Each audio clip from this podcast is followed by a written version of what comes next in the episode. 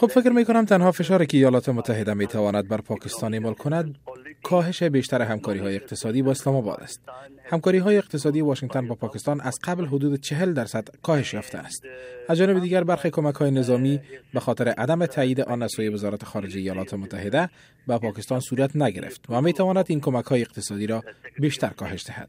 اما باید بگویم که با مجزا ساختن پاکستان سال در افغانستان تحقق نمییابد و فکر می کنم اوضاع را تر خواهد ساخت چرا که پاکستان ادعا می کند که ملا فضل الله رهبر طالبان پاکستانی و گروه مربوط به آن در مناطق سرحدی افغانستان با پاکستان مستقر است و از آنجا علیه پاکستان دست به عملیات می‌زند. لذا پاکستان شکایت های خود را دارد و افغانستان هم شکایت های خود را مطرح می کند پس چرا این دو طرف کنار هم ننشینند و مشکلاتشان را حل نکنند؟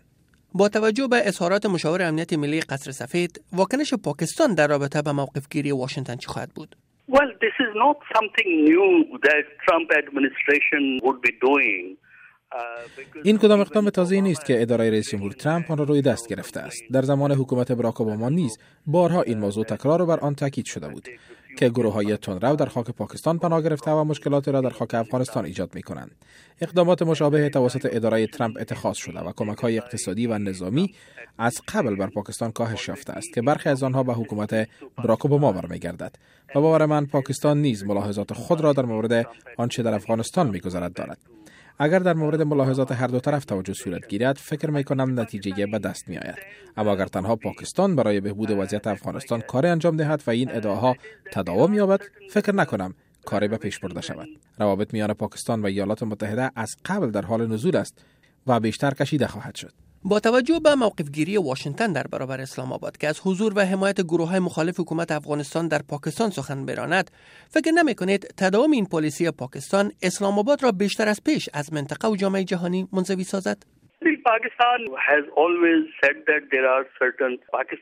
پاکستان ملاحظات خود را در این قسمت دارد. و فکر می کنم واشنگتن کابل و اسلام آباد کنار هم باید بشینند و یک هدف و رویکرد مشترک بین طرفین وجود داشته باشد. این تنها راه حل است و اگر مفکوره طوری باشد که همه مشکلات ناشی از پاکستان و حمایت آیسای از گروه های تندرو مخالف افغانستان است و با توقف این حمایت همه مشکلات حل می گردد و باور من این هیچ دردی را دوا نمی کند با استفاده از یک روی کرده مشترک هر سه کشور و شمول پاکستان کارهای خاصی را انجام دهند.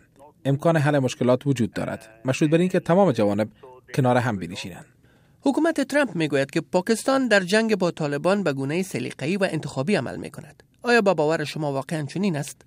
Well, Pakistan is uh, fighting uh, more seriously uh, the Pakistani Taliban.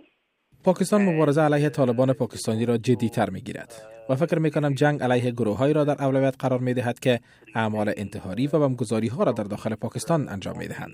بعد از آن سایر مسائل مد نظر گرفته می شود تا زمانی که کابل، واشنگتن و اسلام آباد یک دیدگاه مشترکی را اختیار نکنند فکر نکنم نتیجه به دست بیاید.